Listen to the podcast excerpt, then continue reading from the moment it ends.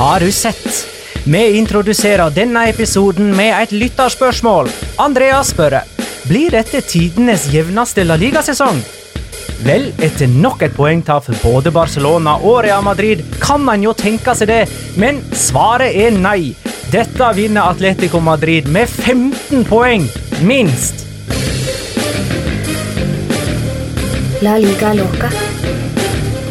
En litt gærnere fotball. Ja, ja, ja, ja Gjorde jeg nettopp Real Madrid og Barcelona en tjeneste ved å jinxe Atletico raka veien ned i sekunder nå? Nei, nei, nei, nei, det var spot on. det, Det, altså. var spot on. Dette er La Liga Loca episode 81 av det ordinære slaget med Petter Veland, hei. Hallo! Jonas Giæver, hei. Halla, Parafasan. Og meg, eh, Magna Kvalvik, hei. Hei, Magna. Vi er i studio ett døgn seinere enn eh, vanlig, fordi at vi måtte få med oss de siste nervepirrende timene av overgangsmarkedet før vi spilte inn denne ukas episode. Like før midnatt mandag kveld skrev Carles Planas under for kypriotiske AEK Larnaka, og den overgangen hadde ikke vi kunnet snakke om i denne episoden dersom vi hadde spilt inn til vanlig tid. Skal jeg ta og gå gjennom rundene, da? Eh, For det har jo folk glemt nå. Det er lenge siden Basker Derby er i hvert fall glemt. Baskederby er glemt. Men det starta faktisk med Sevilla Celta Vigo. 1-1. Første poengtap for eh, Sevilla i eh, sesongen. Atletic Real Sociedad 2-0. Et Etter tre strake Basker Derby-seire for Real Sociedad, så tok Atletic trona tilbake, med skåringa av Inyaki Williams og Raúl Garcia. Og Sassona Barcelona 2-2. Heller ikke Barcelona klarte å vinne på Fort El Sadar. De har gått lenge nå. 27 hjemmekamper på rad uten nederlag. og Ja. Sassona Det kommer vi nærmere Inkludert- inkludert eh, to eh, i eh, La Liga. Getafe Alaves 1-1. Molina og Joselo skåra. Getafe fremdeles uten seier. Fredrik Øvereng spør er Alaves sitt mål mot Getafe en kandidat til årets styggeste. Svaret er ja. Ja, jeg tror ikke det bare er en kandidat. Jeg tror vi kan gi den allerede. Der kan vi inngravere navnet Det kan komme styggere mål. Nei. Men det som var litt moro, da, var jo at uh, vår alles kjære Damian Suárez, som skulle forsvare mot dette, denne skåringen, han gikk lett i bakken og prøvde å filme seg til et frispark inn i egen 16-meter, og reiste seg altså aldri opp igjen. Han ble sittende og se på det kløngespillet som til slutt resulterte i en drittskåring. Det er litt deilig. Det er jo litt deilig. Det er jo litt. Levante Valladolid 2-0. Sergio León skåra. Skåra ikke en eneste gang for Betis forrige sesong. Nei, men eh, nå har han skåra. For Levante, altså. Mm. Morales òg gjorde det. Levante har seks poeng og er poenget framfor Real Madrid på fjerdeplass. Beste sesongstarten deres noensinne. Er ikke det deilig? Real Betis legger ned 2-1. Første poeng for Betis etter to strake tap. Loren Moron har skåra i alle tre kamper. Valencia-Mallorca 2-0. Parejo med to straffespark. Første seier for Valencia. Så dere sjansene til Mallorca i første omgangen, eller? Oi, oi, oi. Eh, Atletico Eibar 3-2. Um, Atletico dermed eneste lag med full pott etter tre runder. Og jeg spurte sist og spør igjen. Vitolo, skal han endelig bli en nyttig Atletico-spiller? Han skåra igjen, han. Skal vi svare mer utfyllende på det litt etterpå? Det var et uh, retorisk spørsmål, egentlig, okay. som jeg kan stille igjen og igjen for hver Tja. uke. Espanol Granada 0-3. Hoi! Eh, Espanol med ett poeng og null skåringer etter tre runder. De har spilt to heimekamper. Og Granada er mestskårende i La Liga så langt, med sju skåringer, sammen med Barcelona. Men det som er morsomt med Granada, er at alle disse sju skåringene kommer på bortebane, mens de har null mål hjemme. Og av sju forskjellige spillere, vel? Antonio, Nei, Antonio Puertas, har han har to. skåra to. Vi har Seks Real også skåret forskjellige, syv. da. Hæ? Vi har Real også skåret syv, var det ikke det? Har det? Ja, og Barcelona sju. Fire, en, ja, det er Villarreal òg har sju mål. Og Barca. Ja, det er den de nevnte jeg nå. Ja. Eh, Og, og, og, og, og Barca. og Barca. Ja. Villarreal Real Madrid 2-2. Um, det er tredje gang på rad at disse to lagene spiller 2-2 på eh, La Ceramica. Uh, Gerard Moreno er den andre spilleren i tillegg, i tillegg til Loren Moron som har skåra i alle tre eh, serierundene. Apropos Osasona Barcelona, jeg må ta et lytterspørsmål på, eh, fra Sven Arne. Hatten av for Osasona for en god kamp, men Burde ikke det være gult kort for å rulle opp shortsen til badebuksa? Nesten på kanten til rødt, for det der var ikke pent, og da tenker han på Jimmy Chimi Avila. Ja, jeg skal til å, å si det. Altså, Han er fryktelig glad i både de musklene og tatoveringene som er oppover de beina der. Det er Begge disse. ja. Begge disse spissene han, Ja, Men det er eh, musklene òg, for han har Brandon- voldsomme ja, men Han er Brandon og har jo sånn ansiktstatovering Ja. langt eh, fra halsen og langt opp i ansiktet. Mm. De ser jo eh, Det er jo et spisspar som kan få det til å, skjelve litt i buksene hvis man er mistopper. Definitivt. Nei, men eh, skal vi ta dette litt eh, Ja, men kan jeg, bare Grundigere. først, kan jeg bare først konstatere at toppen av toppskadelista akkurat nå har tatt litt sånn rennefart og spytta i retning La Liga Loca? eh, Gerard Moreno Og og Loren Moron har begge fått eh, masse kritikk fra dette studioet her. Jo, men altså, tenk nå litt på det, det Gerard Moreno herja, drev på med forrige sesong. Mhm. Altså, da han Det var rettmessig. Ja, Ja, ja, ja. altså han Sammen med Loren Moron. Men det var jo, det... vi hadde jo nesten litt sympati med Gerard Moreno, for han så på en måte ut som han hadde lyst til å legge seg ned og grine Ja. hver gang han bomma på åpent mål. Hvor mange hadde han i fjor? Åtte eller noe sånt? Ja. ja. Og nå er han tre. Så jeg, nå, Så han nå, jo fortsatt langt bak. Ja, ja. mangler fem skåringer for å tangere seg selv, så det skal være veldig forsiktig med å si at han spytter så mye på oss, men eh, Men eh, hvis, hvis eh, vi tar de tre vi forventer skal kjempe om tittelen først, da. Uh, via Real Real Madrid. eh, 2-2, altså. Eh, her snakka faktisk Zinedine Zidane litt taktikk etter kampen. Real Madrid hadde jo veldig mange innlegg i forrige kamp mot Valladolid, og nå, hadde, nå la han rett og slett opp strategien sånn at det, det skulle mange innlegg eh, til. 4-4-2 med Bale på venstre side og Lucas Vasques på høyre. Og nå, da, med både Jovic og Benzema fra start.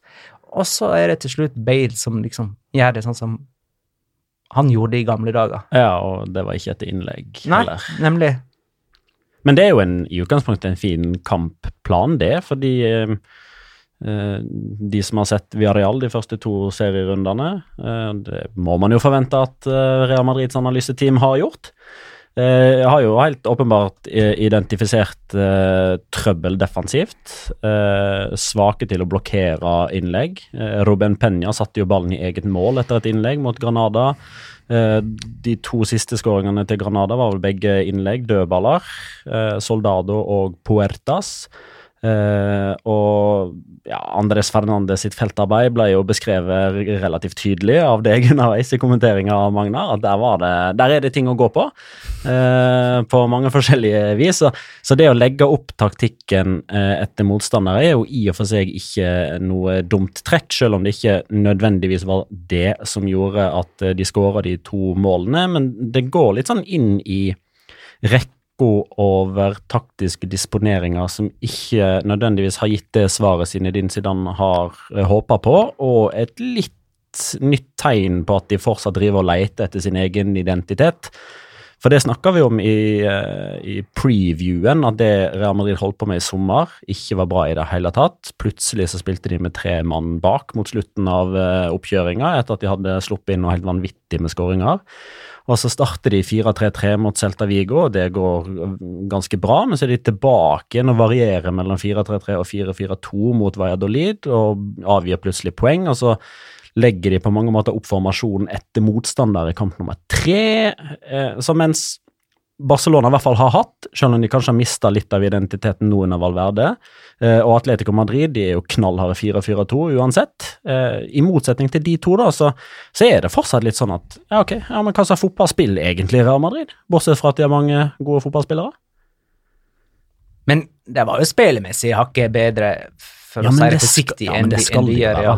Det er jo der lista ligger. Det er der man forventer de skal være, bare at man forventer at de i tillegg klarer å avgjøre kampene i sin favør.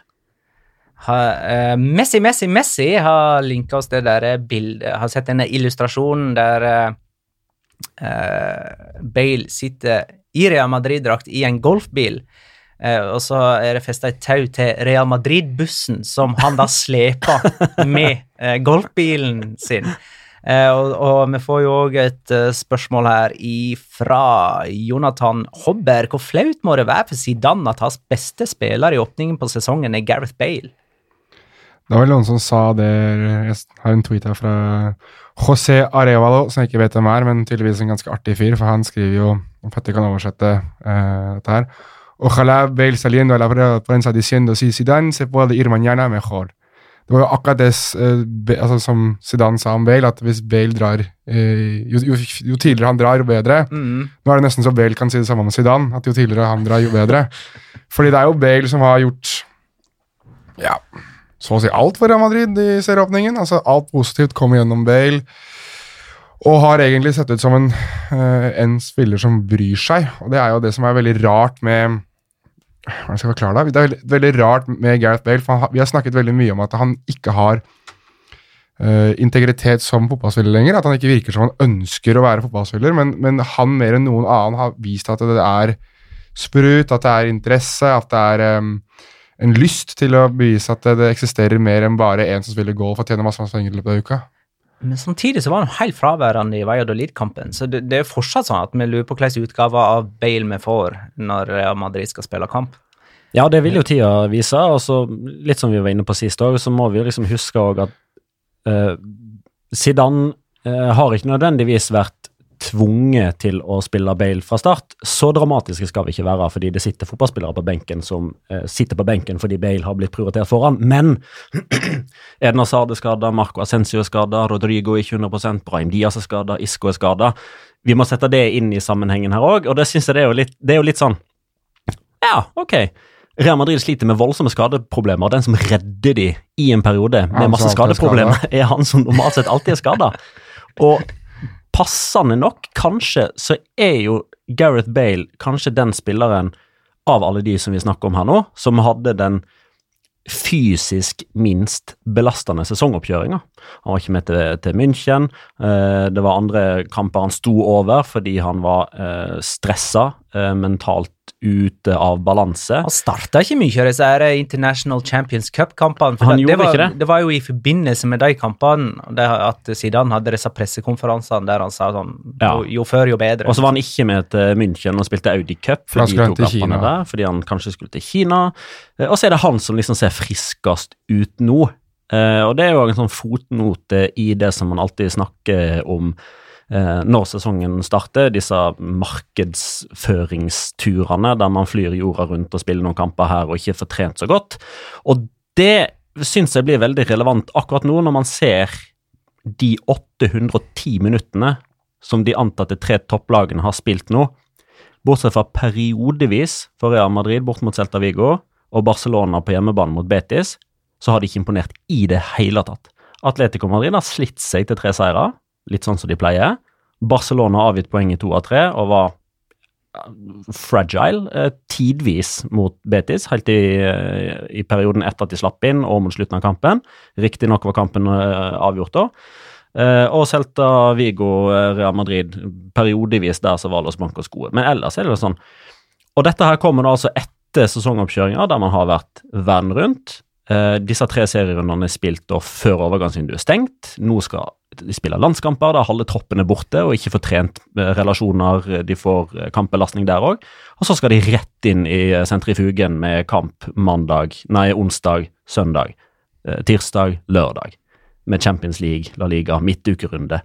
Eh, og det at man allerede da så tidlig kommer på etterskudd, sånn som Madrid og Barcelona har gjort, jeg er litt spent på hva slags eh, mental innvirkning det kan ha på saker og ting. Men for å ta det som var poenget her, da, er jo Hvis du tenker, om, hvis du tenker Gareth Vale og hans sesongåpning Greit nok, la oss bare sløyfe Valladolid-kampen litt. grann.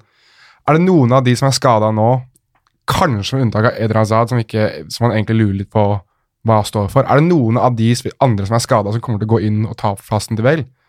Liksom fortjener å ta plassen til Bale. Og Azar tar ikke plassen til Lukas Vaskes.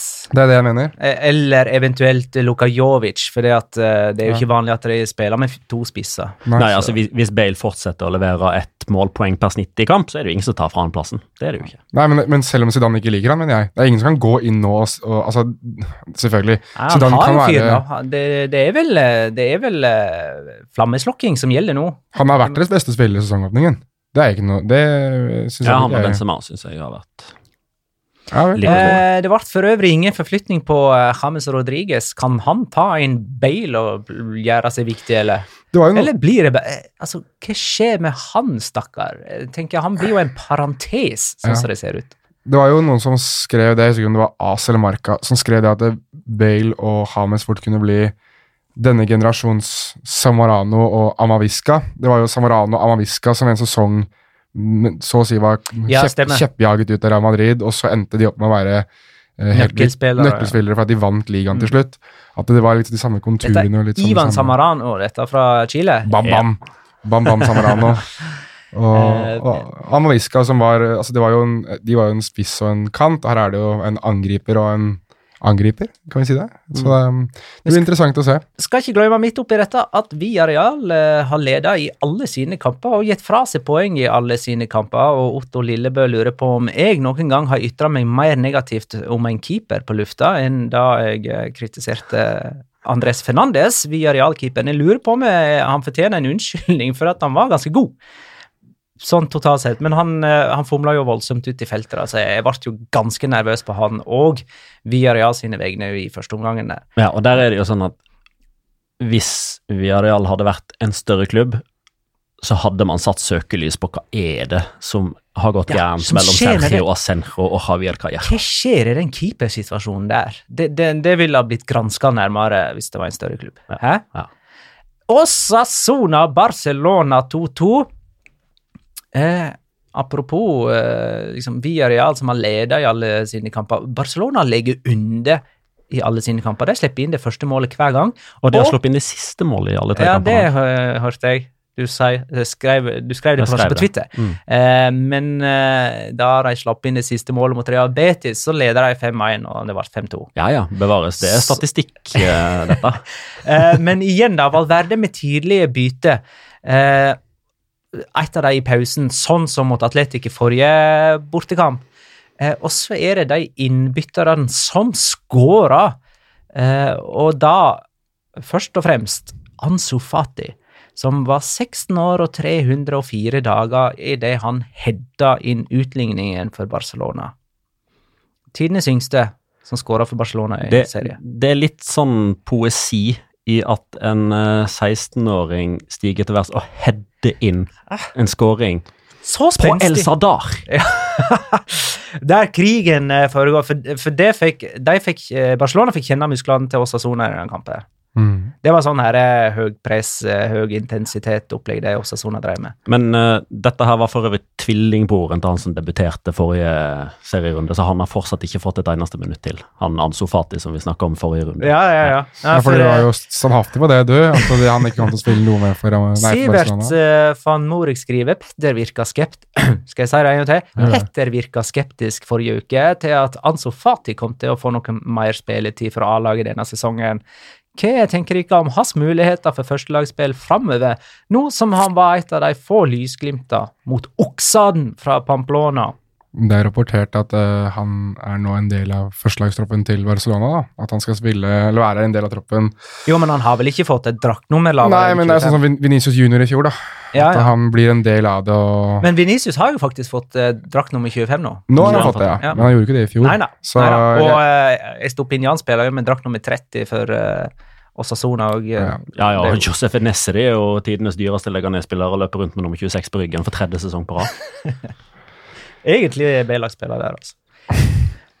Kanskje den fortjener. Nei, men uh, Ansu Fati eh, Jeg vet ikke helt, jeg. Jeg blir litt sånn, jeg synes at han er ekstremt fascinerende, og det har jo vært snakket om han i hvert fall én sesong, at han er det store lyspunktet i La, La Masia, men jeg tenker liksom Jeg får alltid sånn Isak Cuenca, Jean-Marie Dongo, eh, Kaptoum Alle disse her fantastiske stjernene som Barcelona skal ha hatt i junioravdelingen sin, og så har noen av de vist kanskje glimt av storhet, og så har de falmet veldig. Um, men at det er noe spennende der, det er jo helt definitivt. Det er jo ikke noe mer å snakke om. Spesielt når han varte opp med sånn spenst og timing. Også. Altså, Jeg strekker jo armene i været og sier at jeg tok jo grundig feil. Han fikk jo flere minutter. Eh, Men igjen så må jeg liksom bare påpeke Men nå, års- men nå er det over! Nei, ja, men, altså, Messi er tilbake mot Valencia. ja, men det er nettopp det. Altså, vi må se altså, hva er årsakene til at Ansu Fati får spilletid for Barcelona. Det er ikke fordi han har imponert noe helt sykt på treningene, for han har knapt trent med A-laget. Han har vært med for første gang på oppkjøringa til B-laget, som spiller på nivå 3. Han har ikke en eneste kamp for Barcelona B. Han har spilt for Juvenil, altså juniorlaget, og eh, laget som spiller i Uefa Youth League, altså Champions League for juniorlag. Eh, han fikk sjansen fordi Messi var ute, Suárez var ute, Dembélé var ute, Malcolm var solgt, Coutinho var solgt, og Neymar var ikke kommet. Ja, Ja, ja. fortsatt status, det, da. Det har ikke, noe, det har ikke endret seg noe sånn kjempemye. Nei, nei, det hadde ikke endra seg fra han fikk debuten og til han i, igjen da fikk kamp nummer to. Men altså, hadde Messi vært tilbake igjen, hadde Suárez vært ute igjen, så hadde jo da hadde jo Ansu Fati ikke fått spilt den kampen. Nei, men kanskje han hadde vært på benken, Ja, da, den tror jeg. eh, og at uh, han er der nå som en sånn type nøkkel uh, Supersub. Hvis Barcelona har 18 mann som er friske, så er ikke Ansu Fati med. Nå er jo Rafinha solgt, ikke solgt kanskje, med lånt ut, og, og han har jo starta alle tre kampene. Ja, men det er så jo på det åpner jo seg jo Ja, venstre kant. For det er I squad, 4-4-2. squadplass. Ja, det veksla jo.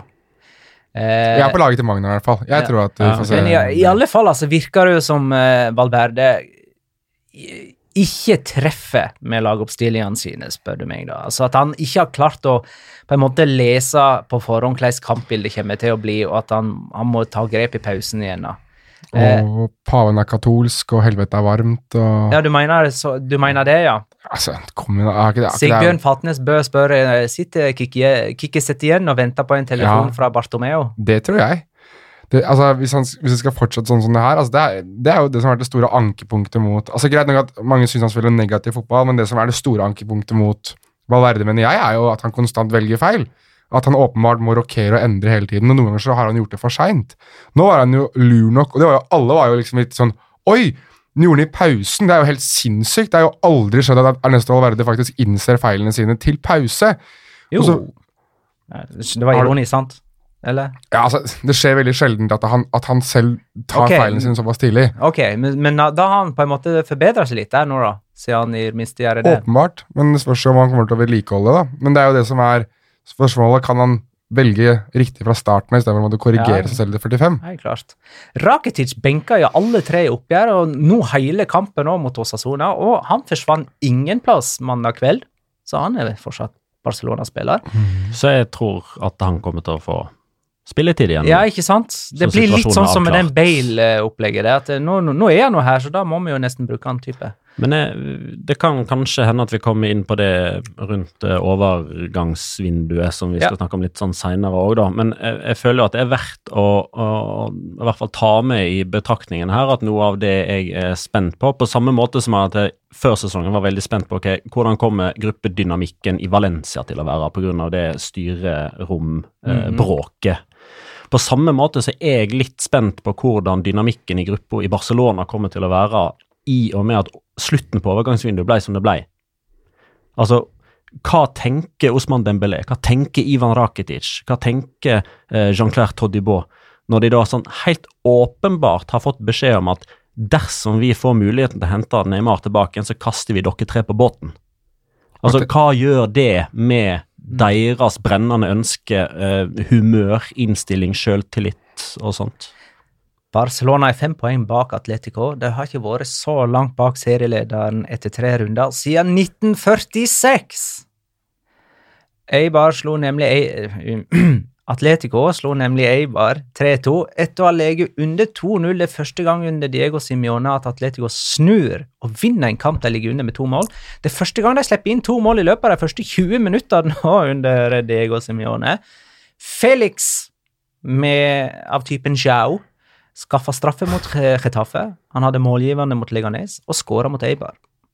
Der har du en mann som har sleget til. Og ble bytta ut når kampen skulle avgjøres. Ja.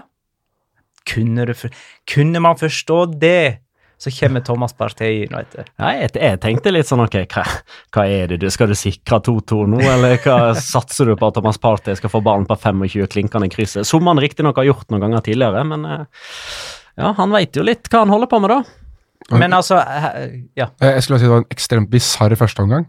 For det skjer ingenting, men det er fortsatt tre mål. Det skjer Altså, jeg så kampen igjen i dag. Det skjer seriøst ingenting i den første omgangen, men fortsatt så er det tre mål. Veldig, veldig spesiell første omgang. Eh, Men her er det jo to innbyttere som skårer for Atletico. Vitolo og Thomas Partey. Så skal vi si det samme da om Diego Simione som vi sier om eh, Ernesto Valverde? At han rett og slett ikke klarer å lese kampbildet på forhånd og må gjøre justeringer i, på laget sitt for å få dette til å funke? Tydeligvis, da. I hvert fall i sesongåpningen. Må jo gi Altså, Vitola har reddet han to ganger nå, så Ja, litt, altså, når det gjelder Valverde, så er jo det en gjentagende trend. Jeg er litt usikker på om vi eh, kan si det samme om Simione allerede nå. Og jeg tenker den, eh, Det at Vitolo ble matchvinner som innbytter mot Leganes, var jo bare mer et sånt et, et naturlig bytte fordi stillinga var 0-0, og det var man ikke fornøyd med. Og det var en angrepsspiller som ble bytta ut med en annen, bortimot et rent sånn taktisk bytte. Men det som skjer i, i kampen mot Eiberg, er at man gjentatte ganger i løpet av eh, kampen eh, bytter formasjon. Og man endrer jeg, verktøyene for å eh, komme i mål med å vinne kampen. Eh, og akkurat Eibar er det har vist seg på, på hjemmebane, altså kampene mellom Atletico Madrid og Eibar på Wanda Metropolitano, det har vært sånn Enten så har det gått gærent, eller så har det nesten gått gærent hver eneste gang. Så det er noe når altså når Simione-fotballen møter Mendilibar-fotballen, så blir forskjellene utligna på en måte. Uh, og eh, sånn sett så skal jo Simione ha litt uh, ris, fordi han ikke leser kampbilder fra start av og kanskje ikke tar ut den riktige elveren. Så samtidig så kan han ha ros fordi han gjør disse endringene underveis, som til slutt blir helt avgjørende for at de tar tre poeng. Men så er det jo litt sånn eh, Vi vet jo at Barcelona har bra bredde i stallen, liksom. Mens for Atletico sin del så føler jeg at det, det, må, mer, det må i større grad bevises. Og her føler jeg at det blir bevist da, med disse innbytterskåringene. Og når en spiller som Vitolo ser ut til å være god, Mhm. liksom. Hei, eh, Eibar-trener Mendelibar er den treneren som har tapt flest kamper etter å ha ledet med to mål i dette årtusen. Det har skjedd fem ganger. Og det er ikke overraskende, for det Eibar står like høyt uansett om de leder 5-0 eller ligger under 5-0. Ja, og dette var jo i eh, tiden som eh, Valladolid-trener òg Mm. er inkludert her. Jeg tror det var to ganger med Valladolid og tre med Eibar. Ja. En siste ting om hvor bra sesonginnledninga er resultatmessig for Atletico Madrid, er jo hvis vi sammenligner resultatene mot de tre lagene de har møtt nå, denne sesongen kontra forrige sesong, Ja. så har de tatt fire poeng mer. For de spilte uavgjort mot Eibar hjemme, og de spilte uavgjort mot Leganes borte forrige sesong. ja. Så allerede nå så har de jo fire poeng mer mot samme motstand. Og når sist hadde de tre seire på de tre første rundene? 2013-2014. Nei, tuller du? Eh, ok, men gangen før der, da? 95-96. Ja, ja, ok. Hva er felles for de to sesongene? Simione og seriegull. Ja, det er jo det. Men hadde de tre seire på de første kampene i 2013? Men da hadde de vel åtte på rad. Vant de åtte første? Ja, Ah, det var såpass, ja. De var fantastisk gode. Så der ser du. Eh, nei, men eh, la oss bevege oss inn på eh, Basker-derby og, og det som på en måte skal skje bak de tre store, sånn som jeg forventer det. Eh, denne gata i Bilbao som foregår fra sentrum til, til stadion, den kaller de bare Posas. Ja, jeg skjønner at de forkorter det. Ja. sånn at det er sagt, da. Uh, det jeg lurer på etter at Atletic slo Real Sociedad 2-0, er om Ødegaard kan være en slags målestokk for styrkeforholdet mellom Atletic, Valencia og Mallorca, for det er jo de tre lagene jeg møttes nå. Møtt, altså som Ødegaard har møtt. Eh, og jeg syns han var Han sleit vesentlig mer her enn mot Valencia og Mallorca. Og, og kan det være en pekepinn på styrkeforholdet mellom de tre motstanderne? Nei, jeg tror vel ikke Atletic eh, er verken bedre eller havner høyere enn Valencia. Du tror ikke det? Nei, det tror jeg ikke. Jonas? Nei, altså dette her er jo en ganske spesiell kamp òg, da. Altså, du må ta det i betraktning hvilken situasjon det her er i. og motivasjonsnivå og det som er også for en sånn kamp som det. Så Eh, dette var ikke representativt for Atletic. Jo da, bevares. for Og et, Athletic, ja, men, men jeg syns ikke at det er representativt for deres stabile nivå gjennom hele sesongen. Nei, kanskje ikke. men eh, det som eh, Altså, eh, jeg, jeg syns ikke Altså, prestasjonene til Ødegaard, da. Eh, altså, spillemessig. Eh, Mallorca, Valencia, Atletic. Uh, vanskelighetsgrad med enklest først og vanskeligst sist blir for min del Mallorca, Atletic, Valencia. Altså Atletic og Valencia bytter klubb, eller plass. Uh, Selv i en kampsituasjonen, altså selv i et derby. Altså, For å si det sånn, da. Oddsen på Valencia-seier var lavere, markant lavere enn hva oddsen på Atletic-seier var. Altså, I utgangspunktet så skal Real Sociedad ta poeng oftere i Basca-derbyet enn på Mestalla. Ifølge, ifølge bookmakerne. ifølge bookmakerne og ifølge historikken og Ok. eh, tabellposisjon og hvor vanskelig kvalitet er, er mitt syn. Det som derimot er eh, den største forskjellen på Atletic og de to andre lagene man har møtt, er jo eh, spillestil. Og hvor vanskelig det kan være for lettbeinte teknikere å komme til sin rett. Fordi er det ett lag og én spiller som i hvert fall til nå denne sesongen har imponert meg med tanke på press, eh, lukke av motstander, gjøre ting ubehagelig, få motstanderen ut av spill, så er det lag, Atletic, spiller Dani Garcia. Altså, med all respekt, han hadde Martin Ødegaard langt ned i begge lommene sine. Mm. Nei, jeg er ikke uenig. Jeg er ikke uenig. og Det var vel noen som skrev det, jeg det var Marca, som skrev det at det var som en rød og hvit syklon som bare suste over uh, Lareal. Altså Den første gangen der var Lars Lagerbäck, nei, Per Johansen sa jo det fint i pausen til TV 2, at det var som å se juniorer mot voksne. Altså, det var, det var helt fullstendig overkjøring. Det var uh, uh, nesten litt som Det virket ikke som Lareal var opplagt, eller at de var dopa, eller et eller annet sånt. Jeg syns det var sånn uh, med Atletic mot Barcelona òg.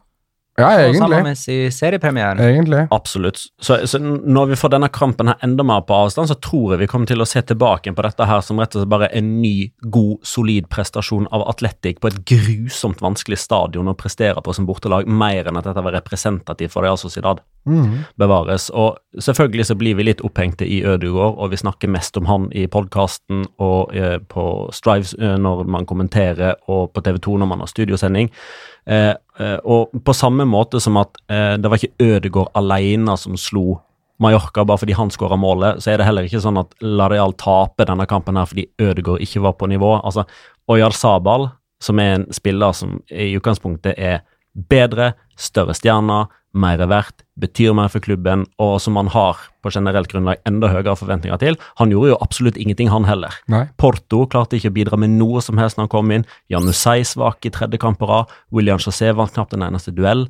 Så dette var jo et koll en kollektiv svikt. Der man riktignok da kan øh, gjøre litt sånn som øh, lokalmediene og egentlig riksmediene der nede òg, si at Ødegaard skuffa når presset på han var som mest. Men dette er kamp nummer tre. Det er veldig, veldig tidlig. Og igjen skjer det ting for eh, Real Sociedad når Alexander Isak kommer inn for nettopp uh, William José. Han fikk en annullert skåring, var jo riktig, uh, men likevel. Neste gang må han starte, spør du meg. Altså. Jeg tror Ja, jeg er enig, jeg er enig ja, men jeg tror ikke det. Nei, ikke. Rett og slett pga. at det er Atletico Madrid. Og Ja, der trengs i utgangspunktet av duellkraften til William José. Men par de gjerne opp. Spill med begge to. Ja, Det er Janusai som må ut der, syns jeg. ja, Real Sociedad møter altså Atletico hjemme i neste serierunde i sin første heimekamp på ny Anoeta. Jeg gleder meg til å se det, jeg, faktisk. Altså Bare å få oppleve Anoeta på TV-en og se hvordan det ser ut nå. Da skal jeg være der, faktisk. Skal du det? Mm. God tur, mann! oi, oi! Skal du få ha- Skal du være med vil gjerne være med. Josu og uh, Oyer? Nei, det skal vel en jobb-PC og øh, potensielt noe sakskriving for Nettavisen, tror jeg. Nei, det er jobb. Det er jobb. Fantastisk. Goi. Goi. Goi, goi. Iaramendi ute to måneder. da. Minst. Ja, to, to, to måneder så dessverre ut til å være et veldig sånn positivt eh, anslag. Eh, han pådro seg en skade på, uh, på leddbånd òg, som gjør at han må inn med noen skruer for å stabilisere. og Litt sånn, og de kan ikke tas ut før etter seks til åtte uker, så da er det jo nesten gått to måneder allerede. Eh, og hvis jeg skyldte Villarreal-keeper Andres Fernandes en unnskyldning, så skylder jeg i alle fall Ander Kapa en unnskyldning, da jeg sa at han for en gangs skyld hadde en assist. Og da hadde jeg glemt at jeg kommenterte hans målgivende pasning til Adoris i første kamp, og satt i stova til Petter og så hans målgivende pasning mot Getafe i andre kamp. Han har målgivende i hver av de tre kampene etter innkast. Det er lov å være litt sånn berusa, først og fremst over Adoris-skåringen glemme hvem som slo innlegget. Og jeg har også sittet og sett kamper hos Petter. Du, du glemmer litt grann, øh, fremspill øh, fram til mål og sånn øh, når du har masse folk skrikende rundt deg. Så det, er- det er lov, Magnar. Du er tilgitt. Det er formildende omstendigheter. Det er familien omstendigheter. Men målet til Raúl Garcia, da, gutta? Woo! Altså, skal vi Hva syns dere om eh, Moya sitt keeperarbeid? At han kunne ha gjort enda mer på en god dag, men det skal jo ikke ta bort noe av intensjonen eller presisjonen til Raúl Garcia, tenker jeg. Lionel Messi på Benito Villamarin ringte og gjerne vil ha scoren sin Vil ha tilbake. chipen sin tilbake. Ja. Det var vel innafor 16 meter, det. Messi. Ja, og på eh, første touch. Ja. Men, ellers så var det mye likt. men uh, Raúl Garcia var utafor 16 meter, så det kompenserer for at Og det ikke var var det- første touch. Og det var skeiva! Mm, Og så var det fuckings Raúl Garcia. Ja, ja, ja. Eh, så, men altså, skal vi ta Atletic på alvor i konkurranse med sånne som Sevilla og Valencia? Jeg har veldig lyst til det. Ingenting hadde vært gøyere enn å få et sterkt Atletic. Sevilla spilte uavgjort, men Uh, Og bare for å ta det, de spilte 1-1 mot Celta Vigo, men de høvla jo over Celta Vigo Mm. spillemessig i den kampen, da. Det var Real Madrid anno september 2018 opp av dage, og da var òg Jolene Lopetegi trener. Ja, for han åpna vel med tre strake seire, gjorde ikke han det, som Real Madrid-trener? Og så ble det noe uavgjort og noe tap i kamper som ikke ligna grisen, med tanke på eh, samsvar mellom antall skåringer og antall avslutninger. Eh, og det var vel hva var det, 18-2, hvis jeg ikke husker helt feil, i avslutninga av den kampen her, og det endte sånn 1-1. så Det er så ran på åpenlys og høylys dag. Så må du få vekk Luke de Jong. Få det bort. Ok, vi kommer tilbake til dette med overganger, men Sevilla har altså en av årets, eller en av sommerens største what the fuck-signeringer, spør du meg. Før vi kommer dit, så tror jeg vi skal bli eh, nostalgiske og, og ja, gå litt tilbake i tid.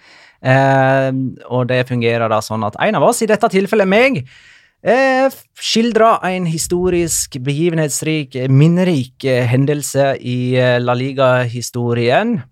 Eh, og der du, Petter og Jonas etter hvert da skal prøve å sette et årstall på denne hendelsen her, og dette er en apropos til Zinedine Zidane sin kommentar i helga om at det kunne smelle ei bombe eller to i løpet av de siste to døgnene av overgangsmarkedet. For han var nemlig Real Madrid-spiller da de møtte Real Sociedad den gangen Santiago Bernabeu måtte evakueres. I det 88. minuttet av oppgjøret, på stillingen 1-1 etter skåringa av Ronaldo og Nihat Kavetzi, beordra dommer alle spillere ut av stadion fordi at arrangøren hadde mottatt en bombetrussel fra, angivelig fra ETA. Fansen fikk beskjed om å forlate stadion rolig, men hurtig. Mange av de forlot arenaen via bana. Noen av de sto på gresset og ringte hjem gråtkvalte. Andre nappa med seg litt gras som suvenir, mens en luring tok en lystig selfie i midtsirkelen før han ble jaga ut av en vakt. Det tok bare åtte minutter å få 70 000 mennesker ut av stadion. Ute på asfalten sto fans og spillere i shorts og drakter klokka ni på kvelden. Kampen ble altså avbrutt. Det gjensto to minutter av oppgjøret. Dommer hadde tenkt å legge til fire. Senere kom det fram at bombetrusselen var falsk. Ei uke senere slo Real Madrid Racing Santander 3-2. Veka etter det tapte de 1-0 mot Sevilla.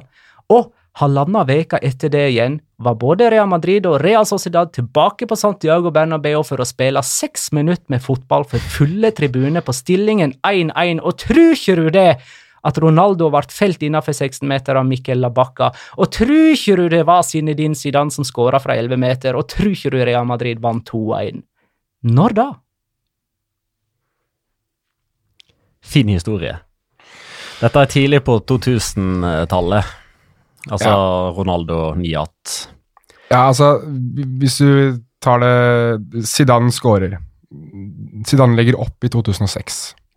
Så det må være et sted fra mellom 2000 og 2006. Et, det, det er tidligere enn eh, det, det er tidlig på 2000-tallet. Det er rundt den perioden når Real Sociedad kunne vinne serien. Altså eh, 02 01-02 eller 02-03. Ja, nøds 03-04. hvis jeg ikke husker helt feil nå Da Nihat skåret for Tyrkia i 2008, så var han Villarreal-spiller, vel. Han gikk jo fra Real Sociedad til Villarreal, Jeg hadde vært der i mange år. hadde vært der en del år. Men jeg tror han kom etter VM i 2002, for jeg tror han ikke var med i den troppen. For de hadde Hassan Sass og Ilan Mansis og et par andre spillere. Eh, Jeg tror ikke Kaveci var med der. Så jeg antar at han har kommet enten i 2002 eller 2003. Zidane legger opp i 2006, så et sted mellom 2002 og 2006, da. Ja, men det Jeg, jeg er sånn sagt ganske sikker på at denne episoden skjedde eh, enten den sesongen, det er altså si det ble nummer to, eller sesongen før, eventuelt etter. Så da er det enten i Jeg faller ned på at det er 2002 eller 2003. Ronaldo han går til eh, Var, var ikke han én sesong til i Inter etter uh, VM-a? Eller dro han til Real Madrid rett etter VM i 2002? Var ikke, når Canavaro kom i 2006, gjorde de ikke da det samme som de hadde gjort fire år før, nemlig hente en verdensmester? Ja, mulig. Brasil 2002. Mulig. Jeg må be om et svar. Nei, jeg, det, er- det er enten 2002 eller 2003. Det, det syns jeg virker innlysende. Jeg, jeg, jeg, 2003. ja, greit. 2003. Svar avgitt. Ja. Ja. Her la jeg egentlig ting litt til rette for dere, for det at jeg hadde godtatt to ulike år, men ikke 2003. Kampen ble spilt de første 88 minuttene, altså. 12. desember 2004. De siste seks 5. januar 2005. Yes. Ah, 0405, da. 04-05-sesongen. Ja, ok. Ja, ja. Riktig, riktig. Eh, og etter at hele stadion var tømt, så eh, for det sånne bombehunder rundt omkring for å finne Jeg ting. husker bildene. Og da var det en som hadde glemt igjen en sekk, Mm. som da var sånn kontrollert sprengt. Eh, og der gikk den julegava i vasken. Overgangsmarkedet er stengt. Alle satt vel eh, foran eh, PC-er og litt sånn og fulgte med helt fram til midnatt og litt eh, mer, eh, Magnar? Nei, jeg fikk ikke med meg at Gonalå signerte for Hæ? Granada, var det ikke det? Granada. Helt riktig. Og en del andre som du kan opplyse meg om nå. Men uh, what the fuck-signeringen for mitt vedkommende er jo Chicharito til eh, Sevilla, da. Som liksom eh, enten i tospann med eller backup for uh, Luke de Jong, eller skal, er det de Jong som skal være backupen til Chicharito, eller ja, hva er dette tenkt, liksom? Kanskje Luke de Jong skal være en slags nummer ti, Altså, så skal Chicharito ta løpet bak duellen? For min del så blir det litt for obvious og enkelt å forsvare seg mot hvis planen er at Luke de Jong skal stusse ballen til en bakromsløpende Javier Hernandez. Ja, men da, da må alle motstandere først og fremst tenke på, eh, på eh, Chicharito, for det at Ja. eh, Luke de Jong vinner den duellen. Ja, ja, ja, Han har, bevares. Han trenger ikke- lette jeg tror han fortsatt ligger på ni hoveddueller i, per kamp som han vinner, sånn som han gjorde i Nederland. men er det noen som liker Luke de Jong her? Jeg bare lurer. Jeg har ikke noe imot han. Altså, sånn, sånn, altså, Når du legger det opp på den måten, der, så er jo svaret nei. Altså Jeg er ikke så veldig fan av den store, hengslete spissen, men bevares, han kan jo ikke noe for at han er så høy. Jeg synes han er ekstremt sånn keitete og treig og bruker mye tid, og det er kjøleskap som vender seg raskere enn ham, og det er liksom øh, jeg, blir sånn, jeg blir sånn sliten av å se på Luke de Jong spille fotball. Det, det passer ikke inn.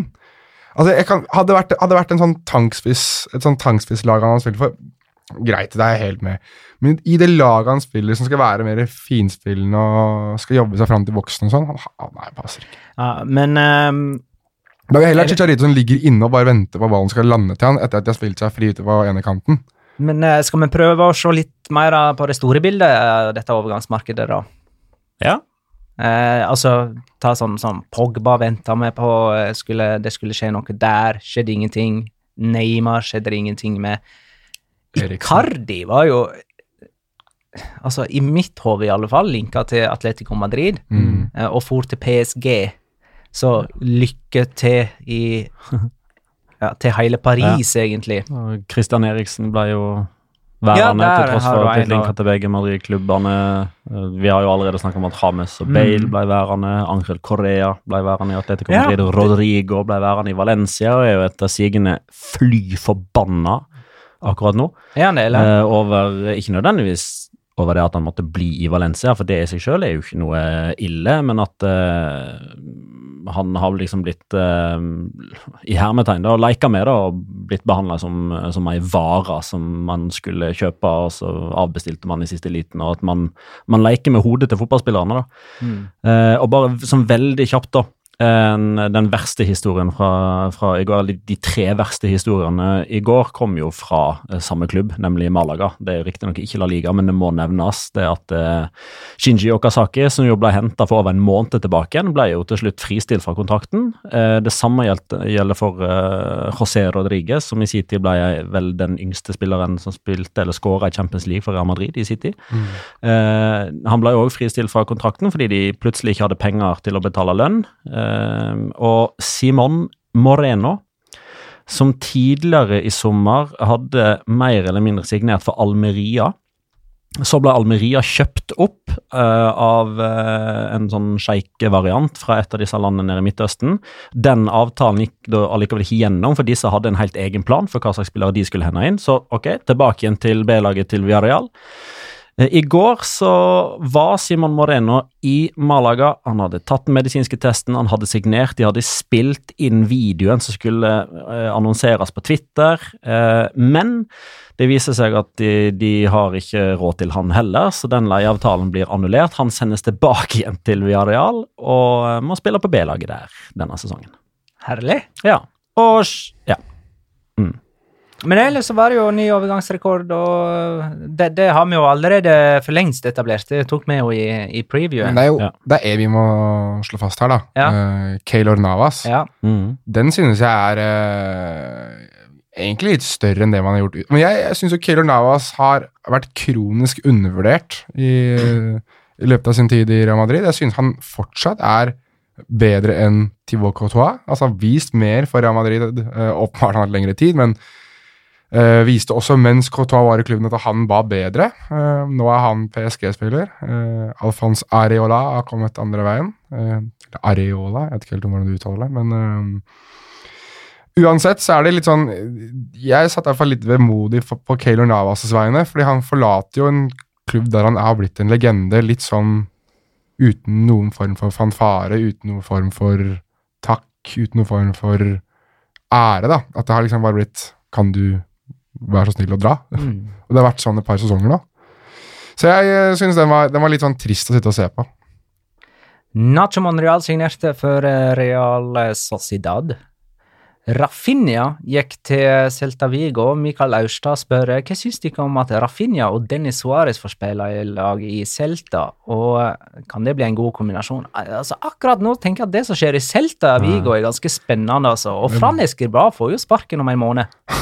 ja. Det er jo Eh, bare vi og gutter her nå, eller bare spillere fra området rundt. Ja. den, den klubbdriften som de viser akkurat nå, eller den eh, overgangspolicyen som Felipe Minjambres, eh, sportsdirektøren, har vist denne sommeren, det er sånn som jeg, jeg digger. Det røde tråd, og den røde tråden er tilhørighet og hjertet for klubben. Selvfølgelig litt sånn eh, forskjellig grad av tilhørighet og sånn, men altså, de har nå tolv spillere i Asdalen som er født i regionen, Pontevedra, i eh, Eller i eh, Jo, i, eh, i Pontevedra, som jo er regionen som byen Vigo ligger i. Alle tolv kommer fra en radius på seks mil utenfor byen. Uh, og i løpet av sommeren, da, så du nevner Denis Suárez, du nevner Rafinha, du kan jo òg nevne Santimina, uh, som jeg har henta tilbake igjen, som er en lokal gutt. Pap Cheik, Mm. tilsvarende. Han har bodd i byen siden han var tolv år gammel.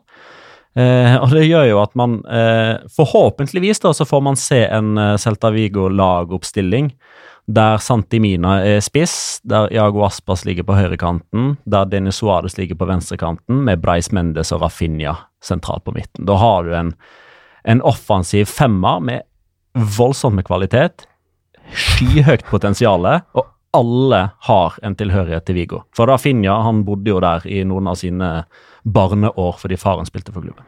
Så er det bare for å kuke det skikkelig til, så bare setter du Stanislav Lobotka eh, bak det igjen. Slovaken. Slovaken Lobodka. Petter M lurer på, svaret kjapt, konsist, hvem har, eh, hva er overgangsmarkedets beste signering, og hva er den beste signeringen på deadline day? Nei, altså Den beste signeringa på deadline day er faktisk den aller første som ble nevnt her. Hvis man setter litt i kontekst, at Granada får tak i en kapasitet som Maxim Gonalon, den syns jeg er råsterk. Og der var det òg et behov som ble dekka, sentralt på midten. Der pleier det å ligge med tre skjøtere og en som springer litt foran. Der passer Gonalon eh, veldig, veldig bra. Eh, samtidig så er det liksom jeg er jo spent på nivået som eh, f.eks. Baba Rahman eh, har akkurat nå, men der snakker vi jo en spiller som ble henta til Chelsea fra Augsburg for 20 millioner euro for ikke så veldig mange år tilbake igjen. Så det at han plutselig skal spille for nyopprykka klubb, eh, som Mallorca jo er, er jo òg sterkt i så måte, men det er jo litt spørsmålstegn rundt det der. Eh, jeg har sagt at Eden Hazard er den beste dealen. Jeg står fortsatt eh, for det. For jeg, når han blir skadefri, så kan jeg ikke se at det går galt. Men han var jo dyr, da, så det er jo, andre om beinet her. Ja. Øh, nei, det er bare føya meg til det Petter sa. Eh, og så har jeg sagt Ector Herrera, jeg, da, for Atletico Madrid. Han har jo ikke spilt ennå, så, Men han var gratis, så det er jo gratis. sånn gratis. så jeg bare holder meg fast ved han litt til, jeg, da. Eller så får jeg si noe sånt som Frenkie de Jong. Tror jeg på sikt kommer til å være fantastisk god. Verste salget er i hvert fall Borja Iglesias. Greit, du fikk inn 28 millioner eh, euro, men du skårer jo ikke Espanol skårer ikke mål lenger. Nei, det gjør jeg Og han ikke. som skårer mål, altså Chuki Ferreira, han får jo bare spille i Europa. Der skårer han seks mål på fem kamper. Og så var det jo et bra kjøp av, eh, av Real Betis, for de fikk jo fart på Loren Moron eh, da de henta en konkurrent om, om spissplassen. Så Borja Iglesias har ikke skåra, men uh, Moron har skåra Og så der må jo selvfølgelig Odon Nabil Fekir nevnes. Ja! Han har vært god. Nå er det spennende å se om det Og lav overgangssum. Ja. ja, det var jo halvparten av det Liverpool tilbydte for et år siden. men uh, hva tenker du på? Nei, jeg skulle bare skyte inn at du har uh, Vil bare ta litt av kontrasten her. At uh, Marka har kommet med en oversikt. Um, så Real Madrid har brukt 303 millioner euro, eh, og er de som har brukt mest i sommer. Atletic har brukt null. Ja. Ja. De solgte ikke en eneste spiller heller, så der er det liksom bare Null, null. Sportsdirektør i Atletic. Ganske selsom affære. Ja. Skal vi ta og kåre en rullende spiller, Jonas? Det, det skal vi etter at vi har konkludert med å bare sånn. Det er seks skandinaver i La Liga ettersom Simon Kjær ble Mm. leid ut til Atalanta. Ja, Så. Skandinavia-delegasjonen er nede i seks. Så han skal spille Champions League? Det skal han. Oppgradering der. Og de nord nordmenn, å de nordiske er Martin Ødegaard, Alexander Isak, John Gidetti, Pione Sisto, Martin Braithwaite og Daniel Wass. Hvor hen endte Gidetti opp? Han er fortsatt i Alaves, Den, som sagt. den er tung. Ja, du nevnte det, ja. Det ser tungt ut. Eh, men vi klare med Skal du ha musikk, Jonas? Ja, skal jeg ikke det? Jo, da må jeg fikse det. Mhm. Men, og du er klar?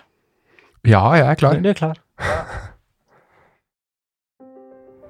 Ok, la oss gå noen år tilbake i tid. Vel, for enkelte av dere så er faktisk denne tiden akkurat nå. Den tiden der verden begynner å bli litt mindre, der distanser og avstander forkortes ikke bare av teknologien, men av en større forståelse for det som skjer rundt dere. Det er ikke bare verden som blir mindre, men det er du selv som blir større.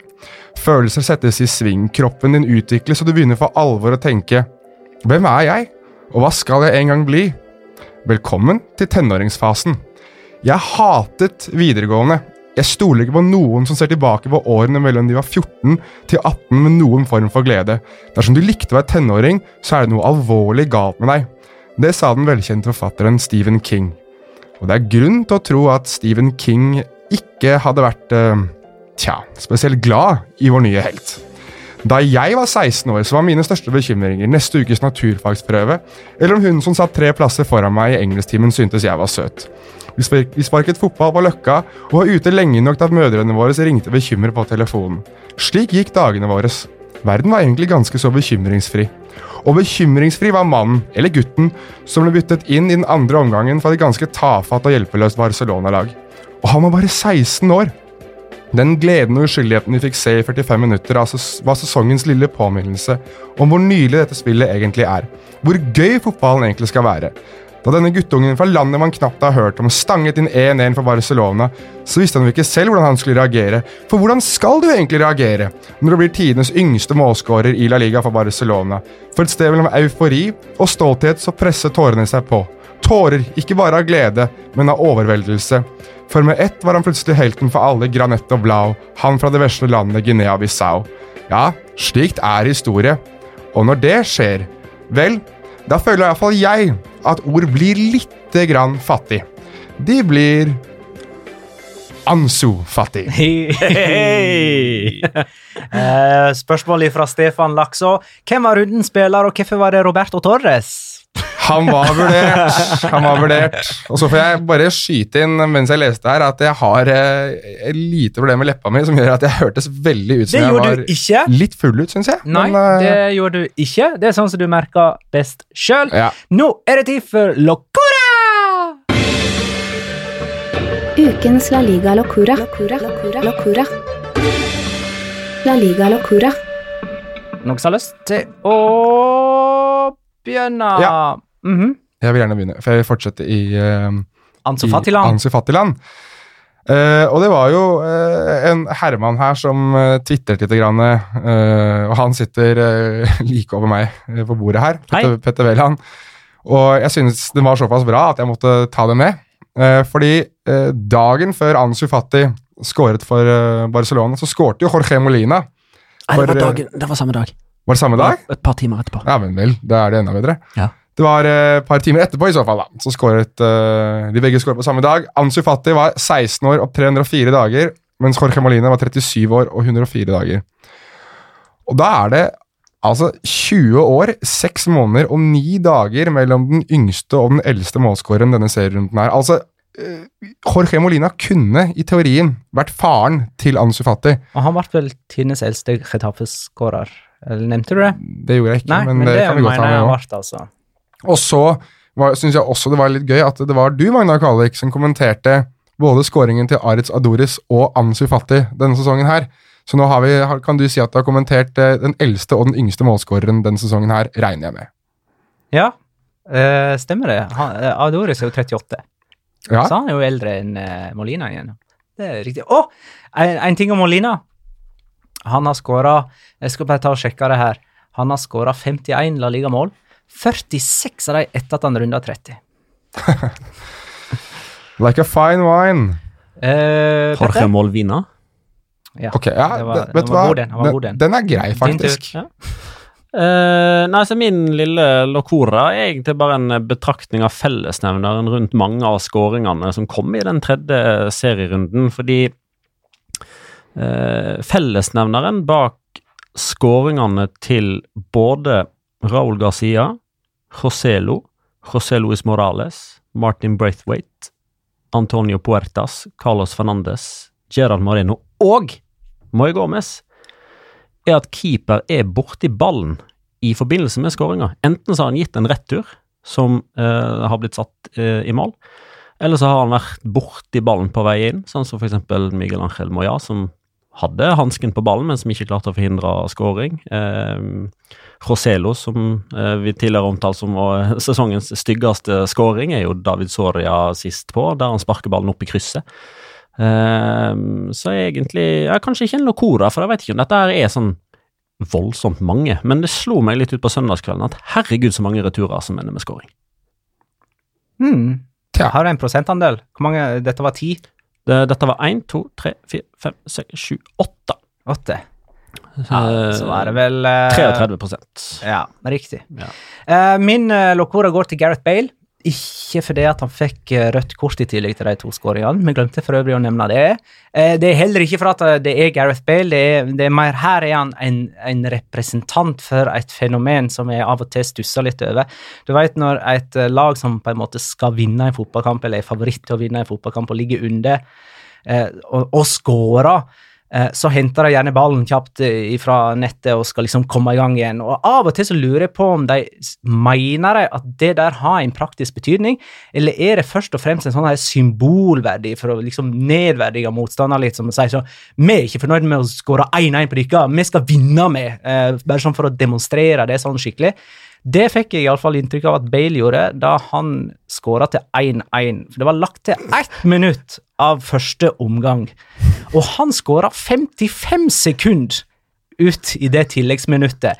Det, det bare lyste overalt at dette var siste spark på ballen før pause, og han springer inn i mål, henter ballen, spurter tilbake til avsparkmerket og legger ballen til rette, som om det haster for han å skåre det neste målet. Det er 45 minutter igjen av kampen, og man rekker ikke å ta avspark engang før det er pause. Så den, den sleit jeg litt med, og, og, og det, det, som sagt, dette er ikke uh, Bale den første som gjør uh, Nei, nei. å få meg til å stusse over. Dette der er et merkelig fenomen. Det er kanskje en sånn psykologisk effekt som man Ja, vil at nettopp. Villarreal skal ha med seg inn i garderoben. Ikke sant? Ja. no, uh, ja, vi har skal frykte på vei inn i garderoben at nå kommer Real Madrid- Madrid til å gå ut i 100. Ok, vi må uh, Skynde oss. Må skynde oss litt. Eh, Ti av flere godt lag. det er ikke serierunde til helge, det er landskamper. Spania møter Romania eh, borte på torsdag, og Færøyene hjemme søndag. Eh, og kampen på Norge, eh, mot Norge vet du, på Mestalla, som vi, var på, det var Luis Henrique sin siste kamp som landslagssjef for Spania. Ah, Robert Moreno har, var assisterte Luis Henrique inntil han rett og slett måtte ta over. Først som vikar i tre kamper, var det vel, mot eh, Malta, Færøyene og Sverige. Sistnevnte vant jo Spania 3-0, eh, faktisk. Eh, han har jo òg vært assistent for Luis Henrique både i Roma, Celta Vigo og i Barcelona, men nå er han altså ansatt som hovedtrener for Spania. Dette blir hans to første kamper, og det som skjedde med Luis Henrique, er jo bare en, en, ja, en fem måneder lang tragedie. Ja, det, er kanskje verdt å skyte inn det, hvorfor det var minuttstillhet på samtlige stadioner. Ja, eh, dattera hans på ni år sleit altså i fem måneder med kreft, og tapte den kampen torsdag forrige uke, var ikke det? Eh, en av dagene Ja. rett før helga, og han meldte jo dette sjøl på eh, Twitter. Eh, Robert Moreno har jo sagt eh, på pressekonferanse i dag, tror jeg, at eh, hvis Luis Henrique skulle ønske å komme tilbake, så trer han glatt til sides med en gang og lar Mm. eh, Luis Henrique ta den jobben. Men for å legge tragedien til side her, da. Um, det føles jo som en lang fornyingsperiode dette for Spania, som starta liksom med Lopetegi for noen år siden. Fortsatte med Luis Henrique etter den fadesen med Lopetegi, og nå da med Robert Moreno. Det er liksom så mange nye starter for eh, Spania. Mm. Ja, og det er jo Det var vel sju endringer fra eh, troppen eh, som ble tatt ut da. Eh, sist mot Sverige, til disse to kampene nå mot eh, Færøyene og Romania. Var Bare Robert Moreno som tok ut den forrige, da. Eh, nei, da var Luis Henrique fortsatt Ja, landslagstrener, så det var han som tok Så dette er første troppen, da? Dette er den første troppen hans eh, der jeg håper å si, overraskelsene jo var Unai Núñez i Midtforsvaret, som Ja. får sin premie etter å ha blitt U21-europamester med Spania U21 i løpet av sommeren. Og som ble vraka i Atletics sin startelver samme dagen. Ja, og det er jo Inigo Martinez han har erstatta i landslagstroppen, så der er det bare switch. Eh, Plutselig så har Inigo. Martinez begynt å spille for Atletic, mens Onay Núñez er landslagsspiller, eh, og ikke da omvendt. Eh, Pablo Sarabia kan få sin debut, omsider. Igjen, det der syndromet der. Jeg er så forbanna, altså. Ja, så med en gang han en er så god for Sevilla i to år på rad, får ikke et eneste landslagsuttak, og så stryker du Sevilla, så skriver du PSG, vips inn i troppen. Eventuelt så er det jo nå Robert Moreno som endelig har sett det Luis Henrique Julian Lopeteg ikke så. Til og med Jeremy Mathieu kom jo inn i den franske troppen idet han var, hadde signert for Barcelona. Ja, nei, sånn så, er det. Sånn er det. Ja, ja. Ja, ja. Nei, eh, skal vi bare se på kampen eh, mot Romania og sette noen resultater? Ja. Eller har ikke noe mer å tilføye om eh, Spania? Nei, jeg har ikke det, egentlig. Eh, den kampen mot Færøyene på søndag, eh, den tippa ikke vi på. Vi tar Romania-kampen borte torsdag eh, kvart på ni. Bare for å ta forrige runde, da, så hadde vi altså Basker Derby, eh, der Petter tippa 1-1. 1-1 med Williams som første målskårer. Og Williams Svart, første målskårer. Det er sånn Petter samla poeng i denne konkurransen. Det var to poeng. Han får dobbelt så mange poeng som meg, som i det minste hadde rett vinner. Eh, 2-1 til Atletic, med Ja. Monjain som første Det, målskårer. dette, dette har vi tatt før, Magnar. Bare Hjemme, ett lite syltynt poeng på meg, hjemme, som var den eneste som spådde at Athletic Atletic skulle vinne denne kampen. hjemme uavgjort borte gir tre mulige utfall. Ja, og du Når tok feil. Startoppst- Når startoppstillinga kommer, så har du 22 mulige utfall, og jeg tok rett. Du tok feil på, eh, Ja, på og fikk null poeng for Jonas det. trodde òg dette skulle bli uavgjort eh, 2-2, og gjør Sabal som første målskårer. Null poeng for deg, Jonas, men du leder likevel med tre fordi at du hadde den der Valencia-greia, var det det? Valencia Real Sociedad, var det den du hadde rett? Nei. Nei. Det var- Nei, det var jo Real, Mallorca, det, altså, Zidane. Ja, 1-0. Ja, Stemmer det. Ja, det er 1-0. Eh, Jonas, du er først. Eh, Romania, Spania 1-3. Uh, Alvaro Morata. Han er ikke i troppen. Er det ikke tro... Faen! Ja, men du, eh, sagt er sagt. Bordet Nei, fanga. nei, nei, nei, jeg kan ikke gjøre det. Jeg var helt sikker på at han var med. Han, er, han er ute med Og skade. episoden er ferdig om ti. Ni. Ok, la meg finne målskårer, da. Uh, Ja, men da sier jeg imens Gjør det. 1-3, jeg òg. Janis Haji. Jeg, jeg vurderte det. Giannis Hadji. 0-2 og Sergio Ramos. Ok, gi meg to sekunder, da. Uh, nesten så har jeg lyst til å si Christian På straffer, da, eller, Petter? For bonus hvis jeg svarer ja. det Ja, da får du 100 poeng. Uh, nei, det er til dødball.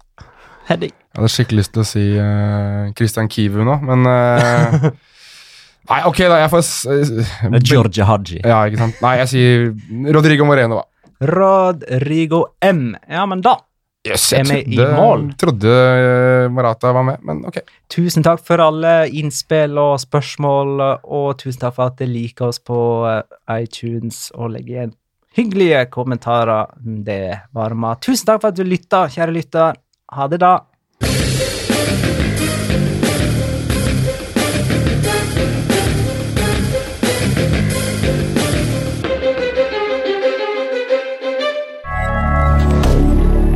Moderne media.